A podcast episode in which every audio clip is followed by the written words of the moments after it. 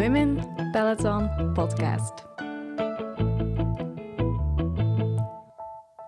Welkom bij alweer een nieuwe aflevering van de Women Peloton podcast.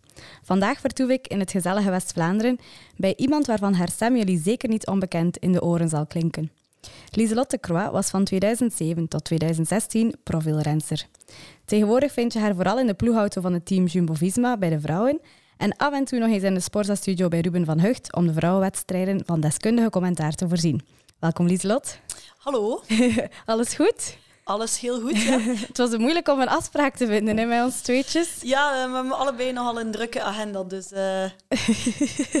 maar het is toch gelukt uiteindelijk. Het is, het is gelukt. Uh, een maandje later, zoiets. Ja. ben je nu in volle voorbereiding van het seizoen 2022 al? Ja, ja zeker. Um, Sinds uh, eh, 1 november ben ik uh, voltijds uh, aan de slag bij Jumbo-Visma. Ja. Dus we zijn volle bak bezig om het nieuwe seizoen voor te bereiden. Ja, ik kan het me voorstellen. want dat loopt, ja, eigenlijk hebben de wielrensters nu een beetje verlof gehad, bij wijze van spreken. Maar voor jullie is dan eigenlijk volle voorbereiding. Ja, inderdaad. mensen denken altijd, ah, wat doe je dan nu als je zo nu moet werken voor de, voor de koers? Maar nu is het eigenlijk wel een, een drukke periode om echt de lijnen goed uit te tekenen en om goed na te denken over uh, jaarplanningen en uh, ja, om echt de structuur goed op poten te zetten. Um, hoe ben je eigenlijk ooit in het wielrennen terechtgekomen? Ja, um, goede vraag. Dat is al uh, een tijdje geleden. Um, mijn broer, die twee jaar ouder is, um, die ging fietsen. Um, naar het voorbeeld van, van mijn papa, die gewoon als wielertoerist meeging. En mijn broer uh, begon dus uh, te koersen. En ik ging mee naar het eetfestijn uh, van de Club Gaverzicht. Ja, die goede oude eetfestijnen. Ja, de goede oude eetfestijnen. Um, en toen kwam de toenmalige coach voor de meisjes kwam naar onze tafel en zei: Ah, ehm, heb jij ook geen zin om te fietsen? En ik was wel heel sportief. Ik speelde basket en um, deed nog wel andere sporten. Ik zei: Ja, waarom niet? Um, dus toen, toen uh, nam ik ook een licentie.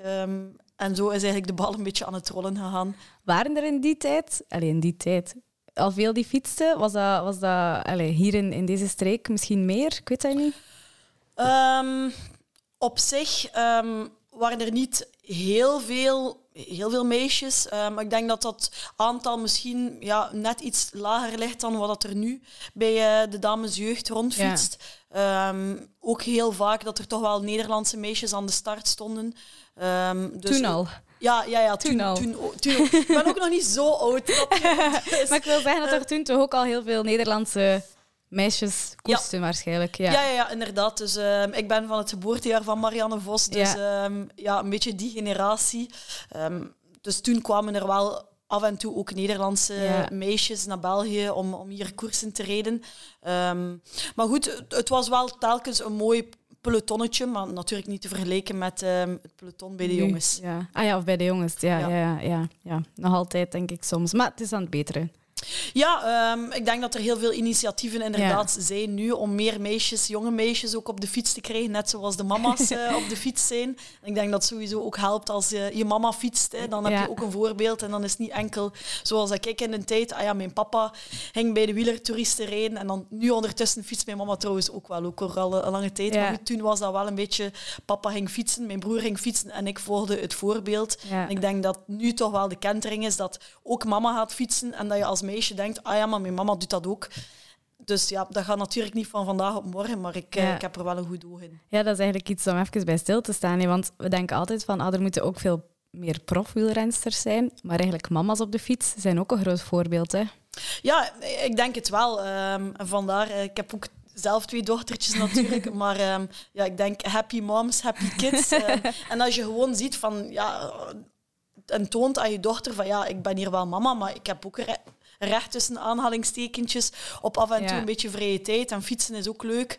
Ja, denk ik wel dat dat toch een, uh, een, een, ook een impact heeft. Ja, zeker. Je bent ongeveer tien jaar profielrenster geweest. Um, hoe was die periode voor jou? Hoe heb je dat ervaren? Ja, dat was een fantastische tijd eigenlijk. Ehm, tot ik 18 was, heb ik basketbal en wielrennen gecombineerd. Dan ben ah, ik ja? een jaar... Basketbal ook? Ja, ja, ja ah, dus ik speelde, ik, basket, ik speelde basket. En um, dus toen ben ik daarbij een beetje gaan fietsen. En toen ik 18 werd, um, moest ik eigenlijk een beetje keuze maken. Ben ik een jaar op uitwisseling geweest. En toen in Amerika ehm, speelde ik basket. Maar dan heb ik in de zomer ook eigenlijk daar de kans gekregen om met een, met een semi-profploegje uh, wat wedstrijden te rijden in Amerika. En toen uh, ja, vond ik dat zo fantastisch. Uh, grote wedstrijden rijden in de bergen, echt in Amerika. En toen heb ik dus gekozen om voor het wielrennen te kiezen. Um, en ja, toen der tijd was het, ehm, waren er heel weinig vrouwen die echt prof waren. Ik ben tien jaar prof geweest, maar goed, ik heb er nooit uh, echt voltijds van geleefd. Dus um, ik heb het altijd gecombineerd met ofwel mijn studies ofwel dan uh, doctoraatstudies. Ja. Uh, dus, dus werk. Um, maar ja, dat was, dat was, wel, was wel een heel mooie periode. Um, ja. Dus kijk daar heel, heel, uh, met, met een heel, heel mooi ja. gevoel naar terug. Uh, dat was natuurlijk niet evident, dat combineren met studies. Je hebt je PhD in, wacht, ik ga nog een keer spieken, in de sportwetenschappen en fysiotherapie en uw master in de biomedische wetenschappen. Dat zijn niet de simpelste studies. Um, ja, iedereen weet als je prof bent, dat vraagt heel veel tijd in beslag, maar die studies ook. Hoe zwaar was dat? Um, ik had het geluk, en daarmee moet ik misschien beginnen, ik had wel het geluk dat ik gemakkelijk studeerde. Ja. Um, maar ja, het was natuurlijk absoluut niet, niet evident. Um, en achteraf gezien heb ik ook uh, mijn, mijn, studies biomedische uh, gewoon in het normale traject gedaan over vijf jaar. Maar achteraf gezien denk je wel van ja, uh, misschien had ik dat toch beter een beetje meer gespreid, zodat ik net iets meer rust kon inbouwen. want ja, dat is uiteindelijk hetgene dat er, dat er het meeste in het gedrang komt, rusten. En ja, dat weet je ook. een, een, een, wielrenner die, uh, die goed traint, maar niet goed rust, ja, dat is niet altijd uh, de beste wielrenner. Um, en dat is iets wel dat ik ja, aan, de, aan, aan, de leven, uh, aan levende leven wel heb, heb moeten ondervinden.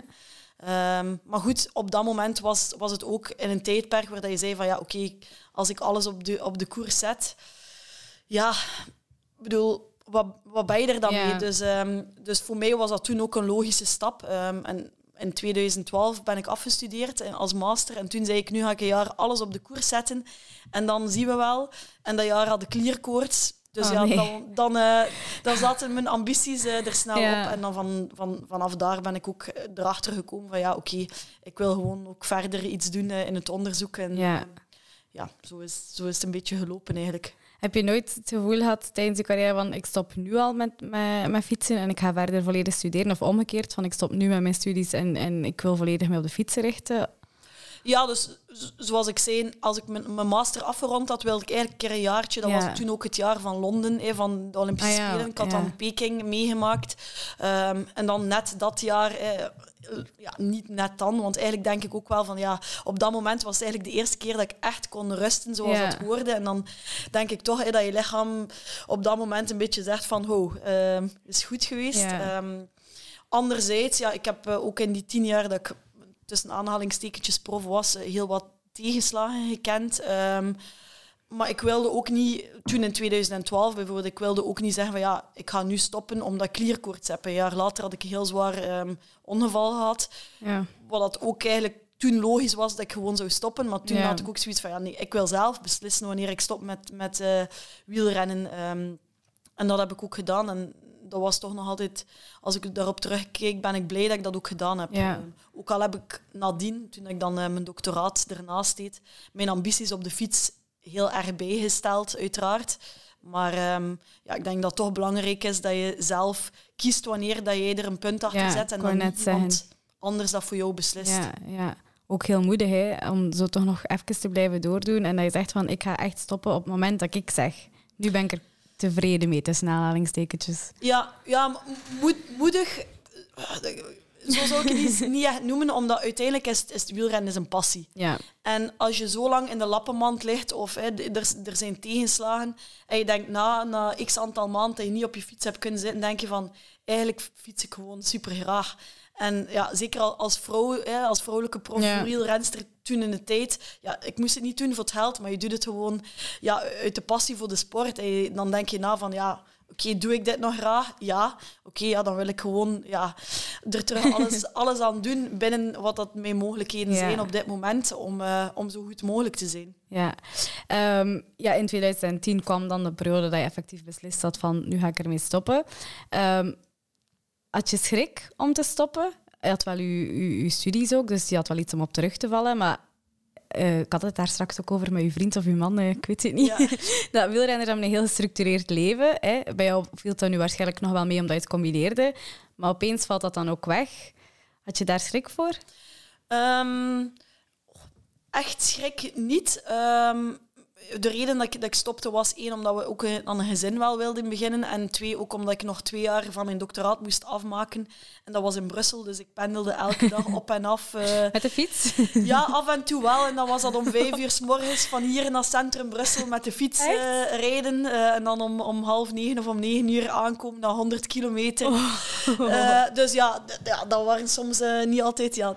en dan moest je nog een, een dag werken. Dus um, dat vond ik nu niet zo erg dat dat weg viel, om heel eerlijk te zijn. um, maar um, ja, die structuur die, die een beetje wegviel, als je tien jaar dat, dat leven hebt geleid, um, kijk je op, op een bepaald moment ook wel uit naar ja, een keer iets anders kunnen doen. Um, want er net ook over, hè, de, uh, over mountainbike en zo. Gewoon een keer iets anders kunnen doen dan, dan echt het pure, pure wielrennen. En dan ook ja, het gezin natuurlijk, een gezin starten. Ja. dus ik had eigenlijk geen zin. Ik had zo het gevoel van, ja, het is mooi geweest, mijn carrière. Ik ben klaar voor een, een volgende stap. Voor een volgende stap, ja.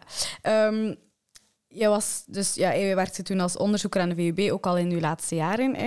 Um, maar je trainde ook ondertussen enkele atletes, heb ik dat goed begrepen? Ik ben eigenlijk um, pas een aantal atletes beginnen trainen op het moment dat ik zelf stopte. Ah ja, zo, ja. Omdat ik, um, dus ik had al twee jaar van mijn doctoraatsonderzoek gedaan, waarbij dat we ja, het effect van voedingssupplementen eigenlijk op cognitief en fysiek presteren gingen onderzoeken met de, de Lotto-leerstoel die ik dan of die, die de VUB had gekregen. Um, maar daarnaast deden we ook een aantal onderzoeksprojectjes rond monitoring van fatigue bij, uh, bij vrouwelijke wielrensters. Ah ja, omdat bij vrouwelijke, dan, ja. omdat ik dan zelf nog een actieve wielrenster was en omdat dat ook in de lijn lag van het labo waar ik doctoreerde over ja, preventie van overtrainingssyndroom.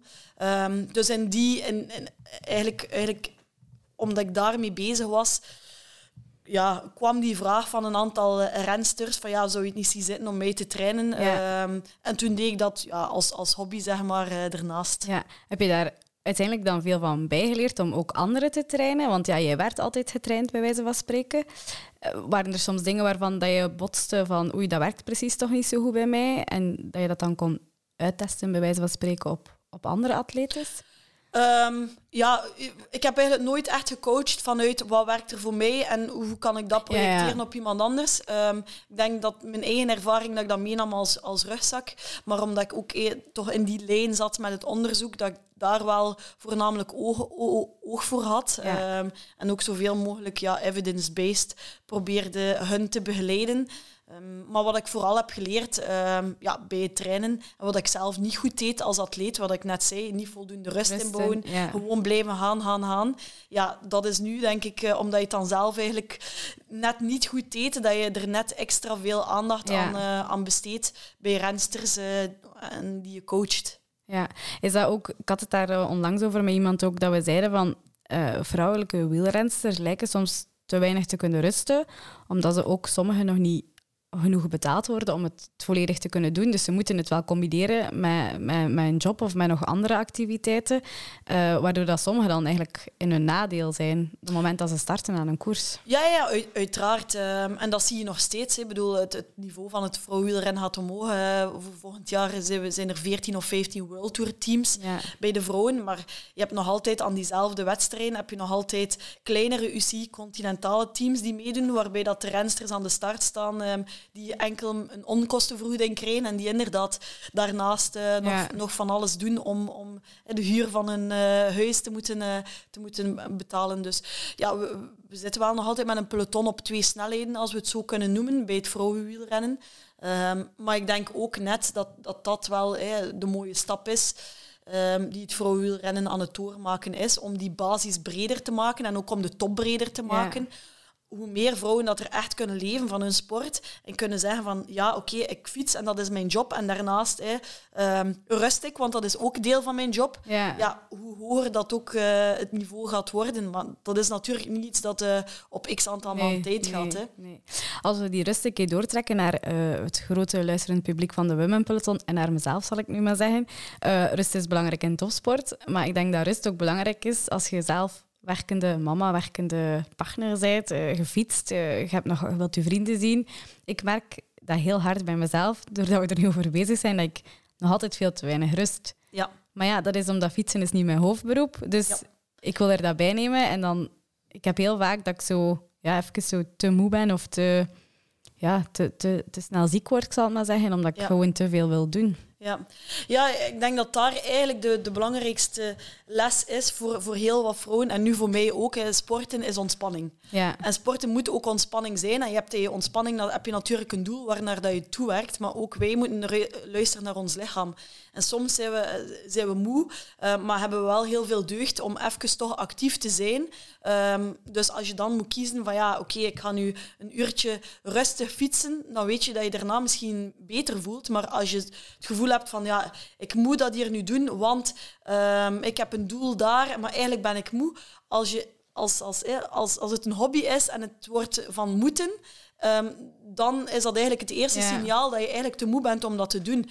Terwijl als je zegt van, weet je wat, ik, eh, ik leg dat nu eventjes naast mij neer. Ik zorg dat ik vandaag misschien gewoon een half uurtje rustig ga fietsen en, eh, of misschien een koffietje ga drinken met een vriendin in de plaats. En dan eh, heb je de volgende dag net zoveel zin om, Ja. zeg maar, wat je gisteren misschien in je hoofd wilde doen, dan heb je de volgende dag daar, daar, daar weer energie voor om dat te doen. Ehm, dus ook voor, ja, voor, voor eh, zeg maar de hobbyfietser, waarbij dat ik mezelf nu ook reken, ehm, is dat zeker, is dat zeker de, de grootste boodschap. Van ook Ja. wij moeten luisteren naar ons lichaam. Maar het kan soms wel zijn dat eh, als je vermoeid bent, dat toch wel een keer deugd doet om iets te doen. Alleen moeten we dan heel rustig fietsen of heel rustig iets anders Ja. doen. En ook niet te lang, maar gewoon, eh, ja, gewoon beperken qua, qua omvang en qua intensiteit. Heb je zelf nog veel tijd om te fietsen? Dat is eigenlijk mijn vraag die ik op het einde ging stellen, maar nu dat we daar toch over bezig zijn. Ja, ik denk dat dat een standaard antwoord is. Veel te weinig. Ehm, maar ik, ik, loop, ik, ik loop momenteel meer, omdat dat net iets meer tijdsefficiënt is. Ehm, maar ik hou wel nog altijd heel veel van, van fietsen. Ook eh, ja, dan een beetje de andere disciplines, eh, de mountainbike nemen. Ja. Ehm, maar ja, dat staat zeker op mijn to-do-list om daar eh, tijd voor in te plannen in mijn agenda. Om daar gewoon, ja, als, je- als je het niet inplant, dan komt het er niet van. Ehm jij werkt nu als performance- en racecoach bij Team Jumbo-Visma bij de vrouwen. Ehm, heb je dan soms tijd om mee te gaan fietsen daar? Ehm, laten we zeggen, ja, vorig jaar ehm, was dan het, mijn eerste jaar dat ik ehm, halftijds daar werkte. En toen ging ik, nam ik wel de fiets om eh, zeg maar de dag voor de wedstrijd ehm, ja, los te gaan fietsen. Dat deed ik wel vaak mee, omdat ik het toch belangrijk vind dat je als coach ook ehm, ja, goed, eh, goed kunt praten met je atleten of met je rensters. En je weet dat ook zelf, soms babbelt het gewoon gemakkelijker op de fiets Ja, dan dat je gewoon eh, iemand recht voor je hebt eh, met een met een tas- tas koffie. Ja. Dus, ehm, maar dat gaat dan meer echt omdat ik de meerwaarde zie als coach, dan dat ik zeg van ja, ik wil hier nu zelf echt, eh, echt mee fietsen. Het is wel mooi meegenomen. Het is natuurlijk wel mooi meegenomen. Ja, Wat houdt jouw job allemaal in? ja. Ehm, nu sinds 1 november ben ik eigenlijk ehm ja, head of performance bij eh, het Team Jumbo-Visma Women Team. Ja. waarbij dat ik ook nog een deel racecoach ben. Ehm, dus dat wil eigenlijk zeggen dat ik nog als tweede ploegleidster ook een aantal wedstrijden zal doen, zoals ik vorig jaar ook deed. Ja. En daarnaast eh, train ik een aantal rensters van ons team. En daarnaast ben ik ook eh, verantwoordelijk voor alles wat dat eigenlijk performance aanhad, om dat Ja. zo goed mogelijk eh, te stroomlijnen. En dan met name alles ja, qua testing, qua materiaal, qua ehm, ja, alles wat dat er eigenlijk eh uw performance zeg maar, optimaliseert. In 2021 is de ploeg ontstaan, hè? de vrouwenploeg, ja. ik zal het zo zeggen. Voelde je dat, dat dat een nieuwe ploeg was, dat dat een nieuwe uitdaging was?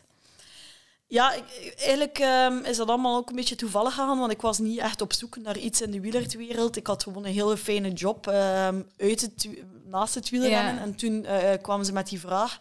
Ehm, en is gewoon een heel, ik vond het een heel mooi project, omdat het één, een meerjarenproject is. Twee, bij de mannen hebben ze natuurlijk heel veel kennis en ervaring en hebben ze ook een, een goede filosofie. Ehm, en ze willen, ook, ze willen ook vanuit het team echt dat vrouwenteam erbij. En je merkt echt dat er heel veel betrokkenheid is en dat we heel veel ehm, best practices delen met elkaar en dat we echt één team zijn. Vandaar um, ja, vind ik het wel een, een heel mooi project. En dan vorig jaar heb ik daar half tijd voor gewerkt, maar dus vanaf nu uh, werk ik fulltime uh, voor de ploeg. En vorig jaar halftijd was dan aangevuld met Sporza in de soms of nog niet? Ja, dat was dan iets derde erbij. Ja, ah ja, en nog steeds bij de, de job waarvoor dat ik werkte, voor een bedrijf. Ja. Um, werkte ook nog halftijd als consultant. maar je hebt zoveel gedaan op die periode na, na 2016. Ja, het klinkt misschien een beetje rommelig, maar uh, ja, een van mijn werkpunten is ook nee zeggen. Dus. ik ben toch blij dat je ja gezegd hebt op de podcast ja. vandaag. Um, ja, bij de Women Peloton willen we het soms ook over zo wat minder plezante, tussen aanhalingstekens, uh, onderwerpen hebben. In mijn ogen zijn die niet minder plezant, maar voor sommigen wel. Waaronder bijvoorbeeld de menstruatiecyclus. Je bent zelf topsportatlete geweest, je hebt zelf vaak moeten trainen uh, doorheen, denk ik, de menstruatie of met je menstruatiecyclus. Nu coach je ook een vrouwenploeg. Is dat een topic die vaak aan bod komt? Ja, zeker en vast. Uh, ik zei net dat we heel veel ervaringen delen met, met onze mannenteam. um, dat is natuurlijk iets dat je moeilijker deelt. Um, maar ja, uh, we zijn als vrouwelijke atleten, um, moet je vooral ook uh, gezond zijn. en dat is toch wel een, een, topic die heel erg bovenaan staat, ook uh, bij ons in de yeah. ploeg. en een gezonde menstruatie hoort daar natuurlijk bij. en dan monitoren is, is het eerste wat je moet doen, uiteraard als coach. En ja, ik begreep ook dat dat, dat, dat wel iets is wat dat in transitie is. tien jaar geleden, als er veel mannelijke coaching was, was het soms moeilijk om daarover te praten. Uh, nu, in mijn tijd heb ik daar ook eigenlijk nooit een taboe van gemaakt en hebben we dat heel duidelijk altijd uh, daarover kunnen spreken. En ik denk dat dat ook gewoon zo zou moeten zijn met elke coach. Of dat je nu een mannelijke coach hebt of een vrouwelijke coach. Um, dat is gewoon iets dat, je, dat moet gemonitord worden. Net zoals dat je monitort of dat je, wat dat je rustpols is morgens vroeg. Of hoe dat je slaap is. Ja. Ja, want je zegt nu wel, voor mij klinkt dat logisch, maar voor velen klinkt dat niet logisch. En dat is zelfs onafhankelijk van dat een man of een vrouw is. Sommige vrouwelijke coaches vinden dat even nog gemakkelijk om daarover te praten, omdat ze iets hadden van ja, maar vroeger hield ik daar ook geen rekening mee of is mij dat ook nooit gevraagd. Dus waarom zou dat een invloed kunnen hebben op je prestaties? Ja, klopt. Uh, maar ook uh, daarin is er de laatste jaren steeds meer uh, onderzoek. Ja. Um, waarbij dat je toch het belang van een, van een gezonde cyclus ja. naar, naar voren komt. Um, ik, ik, herinner me een congres um, dus al een, een, aantal jaar geleden, eh, toen ik net PhD-student was op een, op een Europees congres, waarbij dat er een, een topic was um, of een spreker was, toen de tijd van Sky. Um, dat ging natuurlijk over, over mannen en dat ging over de variaties in gewicht enzovoort. En op welke manier dat eh, Geraint Thomas van het voorjaar werd eh, dan omgebouwd op x aantal maanden tijd naar een, naar een rondrenner. Um, werd de vraag gesteld van ja, in hoeverre is, is dat allemaal gezond? En toen zei hij gewoon cru, ja, maar als je zoveel miljoen per jaar verdient, uh, dan, moet je niet, dan moet je er niet mee inzetten eh, of dat dat gezond is of niet. Echt? Dus toen was ik zo van, oké. maar ja, dus, dus ik denk, ja, dat is toch een andere visie dat, dat wij hebben. Um, en de laatste jaren is er meer en meer evidentie die, die dat aantoont. Ook, er wordt steeds meer over gesproken. Dus ik denk, hoe meer dat we het ja, onder de aandacht brengen, ja. hoe hoe logischer dat wordt, hè, dat, um, dat er over gesproken wordt in een coach-atleet-relatie.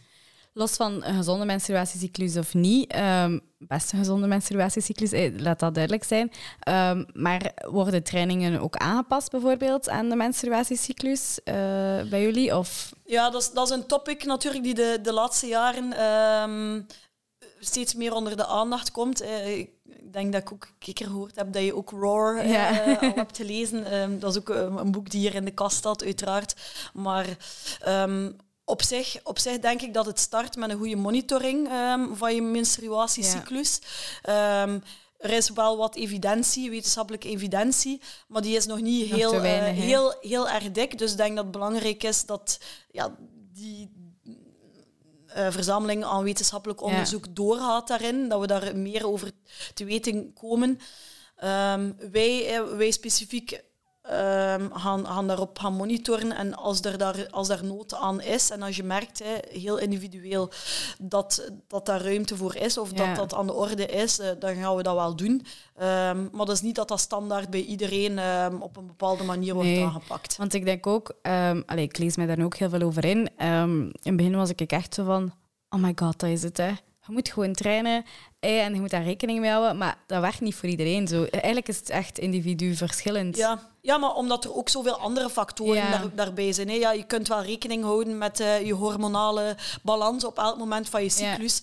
Maar er zijn ook heel veel andere factoren die daarop een invloed hebben. Heb jij een bepaalde week superveel stress of ruzie of uh, super druk op het werk. Um, of je hebt net eh, een, een, een, een infectie, uh, je bent een beetje ziek. Ja, dat, dat, gooi, dat gooi je ook allemaal in, de, in de mand, zeg maar, die daarop een invloed heeft. Dus helaas is het niet uh, zo gemakkelijk om te zeggen, ah, je, hebt, je bent vandaag op de vijfde dag van je menstruatie, we gaan nu deze training doen. Ja. Maar ik denk wel dat het positief is, de beweging die er komt, dat we er meer moeten over nadenken. Zeker, zeker. Ja. Ik denk wel dat het heel belangrijk is dat er meer informatie is, wat we proberen doen ook. Uh, maar ook gewoon uh, voor mij om er gewoon bewuster mee bezig te zijn, helpt mij al om voor mijn eigen te ervaren. Oh, ik ben nu zoveel dagen voor mijn menstruatie, nu ga ik niet die duurtraining doen, want voor mij werkt dat niet goed, omdat ik dan heel vermoeid loop. Ja, voilà. Dus als je eigenlijk gewoon de tijd neemt om je eigen cyclus wat bij te houden, al is te noteren in een super stom boekje, bij wijze van spreken, en een keer te denken van die dag heb ik dat en dat gedaan, en als je dan terugkijkt op die periode, dat is wel frappant om te zien wat je leert van je eigen lichaam. Ja, ja zeker. Eh, dat is, dat is zeker zo. En we hadden het er net over ook eh, het respecteren van rust en zo. Ja, gewoon bewust bezig zijn met wat gebeurt er in mijn lichaam, hoe voel ik mij echt. Ja, dat draagt daar inderdaad toe bij. Dus uh, helemaal akkoord. En ben je ervan overtuigd dat dat niet alleen voor de professionele wielrenser is, maar even hoe voor, voor zoals ik, de recreatieve wielrenser, die, die toch ook wel graag weet waar ze mee bezig is ja, dat is alleen maar een pluspunt. Hè. Ja, ja, ja, ja zeker en vast. en nu zeg ik ook tegen Jasper, ja, maar die moed, als ik zo loop, dat is omdat ik zoveel dagen van mijn menstruatie ben, dus ik kan daar niet aan doen. ja. um, toch zijn er nog altijd wel heel weinig studies rond vrouwen die fietsen en sporten algemeen, denk ik. Hè? Minder dan voor de mannen, alleszins. Ja, zeker heel veel minder uh, dan voor de mannen. Toen ik startte met mijn doctoraat in 2014, denk ik. Um, ja, toen was ook de, de eerste opdracht uh, die ik kreeg van schrijf een keer een review uh, om te zien hey, wat, wat is de situatie bij, bij vrouwen, wat is het verschil met vrouwen en, en mannen rond uh, testing, rond training enzovoort. Um, en dat was ook toen in het design van verschillende studies um, hadden we wetenschappelijke discussies van ja, oké, wie gaan we includeren in onze studie? Ja, nee, geen vrouwen, want hey, dan moeten we weer rekening houden met die menstruatie, yeah. dat we net zijn. Neemt iemand dan anticonceptie of niet? Um, dan maakt het designs van, van wetenschappelijke studies gewoon allemaal veel lastiger. Um, vandaar ook dat traditioneel gezien um, heel veel studies gewoon gezegd werden, we doen het gewoon met man, klaar. En het zal wel niet zoveel verschil zijn bij de vrouwen. vrouwen ja. Um, en ja, de, laatste, de laatste jaren zie je toch hè, dat er daar een, een, om, een, een, een ommekeer in is. Een aantal reviews die daar ook rond, rond verschenen zijn. Um, maar dat zijn wel grootschalige studies die moeten worden opgezet. En ook daar word je dan soms weer belemmerd door heel wat... Eh, zaken uit, uit de wetenschap van is er voldoende budget om op een lange termijn te monitoren ja. enzovoort. Dus uh, ja, wij kunnen wel allemaal op tafel zetten. Er moeten meer studies zijn met vrouwen en daar ben ik ook, hè, daar deel ik helemaal de mening. Maar in de praktijk, in de wetenschappelijke omgeving, is dat niet altijd zo evident om dat dan te zeggen. Oké, dan doen we dat gewoon zo. Ja, want wij zouden super graag ook met de Women Peloton enkele doctoraatstudenten bij wijze van spreken kunnen aantrekken om te kunnen samenwerken. Maar dat is niet van vandaag op morgen gebeurd. En het is ook niet dat je opeens binnen twee maanden resultaat hebt en kunt zeggen dit hebben we onderzocht en dit is gebleken. Dat is, daar gaan veel meer jaren over. Hè. Nee, nee, eh, absoluut niet. Het, het, gewoon al het design opzetten van je studie en ja. uh, budget vinden voor je, voor je studie, dat, uh, dat duurt al eventjes. Laat staan van wanneer dat je effectief kunt starten met je studie en laat staan van wanneer dat je de resultaten hebt. Maar stel dat we een vrije kaart hebben. Wat zouden volgens jou de belangrijkste studies of onderwerpen moeten zijn die voor het vrouwenwielrennen of vrouwen op de fiets algemeen nog moeten bestudeerd worden?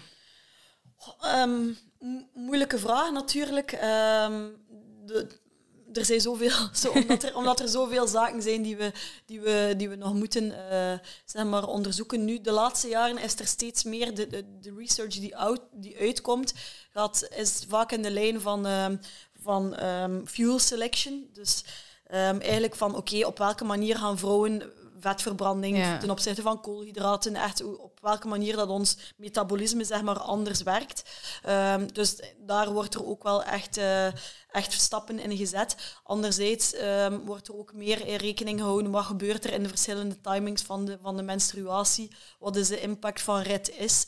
Dus ehm, dat zijn allemaal Kunt zaken... je Red S misschien nog een keer uitleggen voor de luisteraars die niet snappen wat... Ja, eh, ja, ja. RET is, eigenlijk een syndroom. En dat is trouwens niet enkel voor vrouwen, maar dat is ook voor mannen. ja. Gewoon dat je chronisch je lichaam te weinig energie inneemt ten Ja. opzichte van het verbruik, waardoor dat je eigenlijk op gezondheidsvlak heel wat negatieve gevolgen op lange termijn gaat, eh, gaat, Ja. gaat krijgen. En nu hebben we de eerste, hè, en als we dan terugkomen op je vraag, nu hebben we steeds meer acute studies, maar ik denk ehm, de, de heel belangrijke projecten ook zijn eigenlijk om op lange termijn zeg maar, te monitoren wat er gebeurt met die verschillende zaken. Ja. Ehm, en dat hè, vraagt natuurlijk nog veel meer tijd. Ehm moet heel eerlijk zijn. ehm, ja, dat ik ook niet alle onderzoeken die nu eh, lopende zijn, van, probeer die natuurlijk te volgen, maar je kunt niet alles volgen. Nee. Niet elke, niet elke onderzoekslijn even, van even dicht, maar ehm, ik denk eh, ja, vooral lange termijn studies dat die, eh, dat die de komende jaren Ja. eh, ook cruciaal zijn. Ja. En ik denk ook, wat ik vaak ook de vraag krijg, is van ja, ehm, als je zwanger bent en je blijft sporten of je bouwt terug op na het sporten. Eh, we hebben nu Hedwig Niels bij ons in ons team, die is daar heel veel mee bezig. Maar toch is er daar ook nog heel weinig rond. Hè, want allee, er is al meer, maar puur specifiek op fietsen gericht. Ja. Iets minder heb ik mij laten vertellen. Ehm, maar vooral ook de ervaringen. Want bij de ene vrouw werkt het zo, bij de andere werkt het anders. Eh, dat is eigenlijk moeilijk om daar een lijn in te trekken. Hè.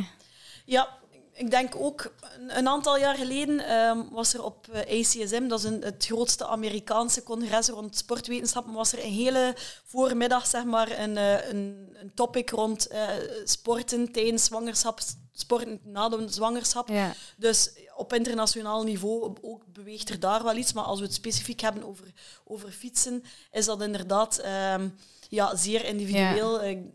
Denk, eh, denk dat iedere, iedere vrouw die zwanger is vooral moet, eh, moet zoeken naar een manier om actief te blijven Ja. en wat dat er werkt voor haar. En eh, ja, als je gewend bent van, van te fietsen, ehm, zal dat waarschijnlijk gemakkelijker zijn om te, om te blijven fietsen. Maar als je ziet, hè, er is toen heel wat ophef geweest met Sophie Goos ook, hè, die, die nog 16 kilometer liep, terwijl dat ze al eh, x aantal maanden zwanger was. Ja, goed, ja, als je heel je leven hebt gelopen, Ja, ja. kan dat wel. Dus inderdaad, wat je zegt, is heel individueel, maar het belang van blijven Bewegen sporten... is wel bewezen. Hè. Ja, voilà. Dat is wel... Ja, daar heeft, is eh, absoluut geen discussie over. Daar heeft, ik zal even reclame maken, onze expert Hedwig ook een heel interessant artikel over geschreven op onze website.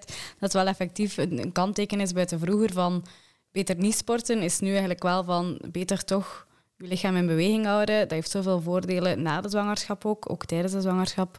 Ja. En ook mentaal, denk ik gewoon. Als je iemand bent die graag beweegt en opeens Ja, doet Ja. je dat niet meer, dan... Z- zeker mentaal, maar ook voor je eigen gezondheid en ook voor, eh, voor de gezondheid van, Van je kindje. kindje, dus ja. eh, zeker, ehm, zeker die, eh, dat artikeletje lezen, zou ik Heb zeggen. jij lang gefietst tijdens de zwangerschap?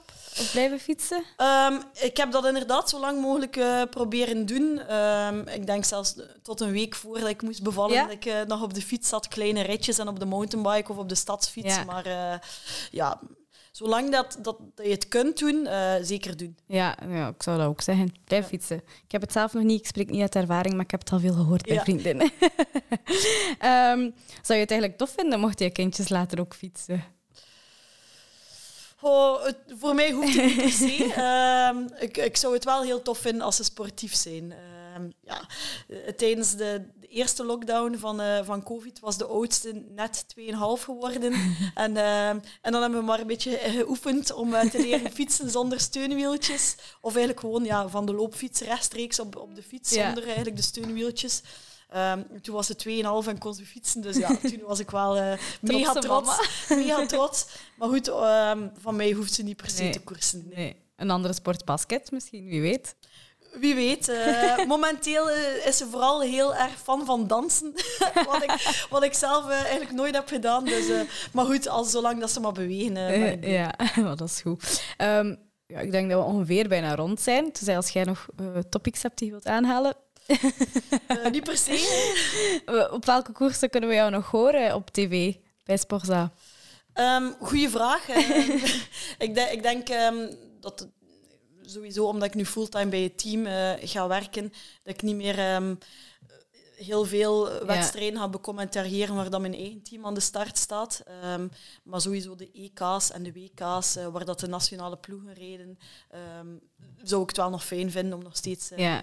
van commentaar, of de, de wedstrijd van commentaar ja. te voorzien. Is eigenlijk moeilijk? Ik vraag mij dat af, want je moet eigenlijk wel heel de tijd kunnen blijven babbelen. Ja, al is het, al is het uh, een van de beste tips die ik al gekregen heb in het begin dat ik dat dan deed, zijn ze van Lieslot, het is oké okay als het ooit een keer stil is. Ah, ja. Je moet niet alles uh, vol babbelen. Dus, voilà. Nee, goed. Waar kunnen mensen jou volgen?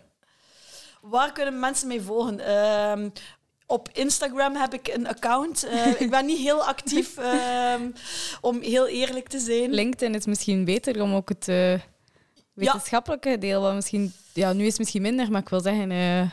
Ja, ik, ik heb ook een LinkedIn, maar ook daar ben ik niet heel, heel, niet heel uh, actief.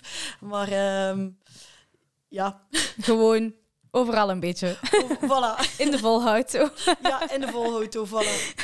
Ja, dan moet ik altijd mijn, mijn ultieme vraag stellen. Wat is jouw ultieme tip vanuit jouw jarenlange ervaring? Maar dat kan ook even goed zijn van nu jouw ervaring als werkende mama en, iemand die graag fietst voor onze luisteraars. Ja, ik denk de ultieme tip voor, uh, voor elke fietsende vrouw die luistert, is uh, dat je toch uh, probeert um, te luisteren naar je lichaam en een goede balans vinden. Um, zoals dat we daarnet al zeiden. rusten. Af en toe, ja, maar goed, af en toe rusten, maar ook uh, rusten fietsen kan ook rust zijn. Ja, en ook leuk zijn. En ook leuk zijn, ja. Super, dank u wel voor uw tijd.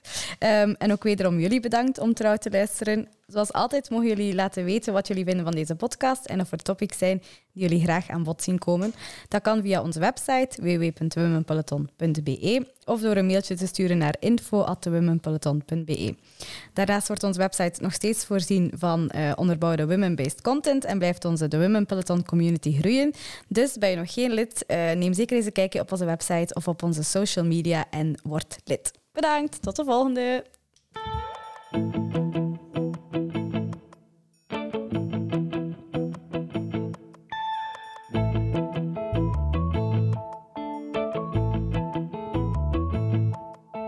The Women Peloton Podcast.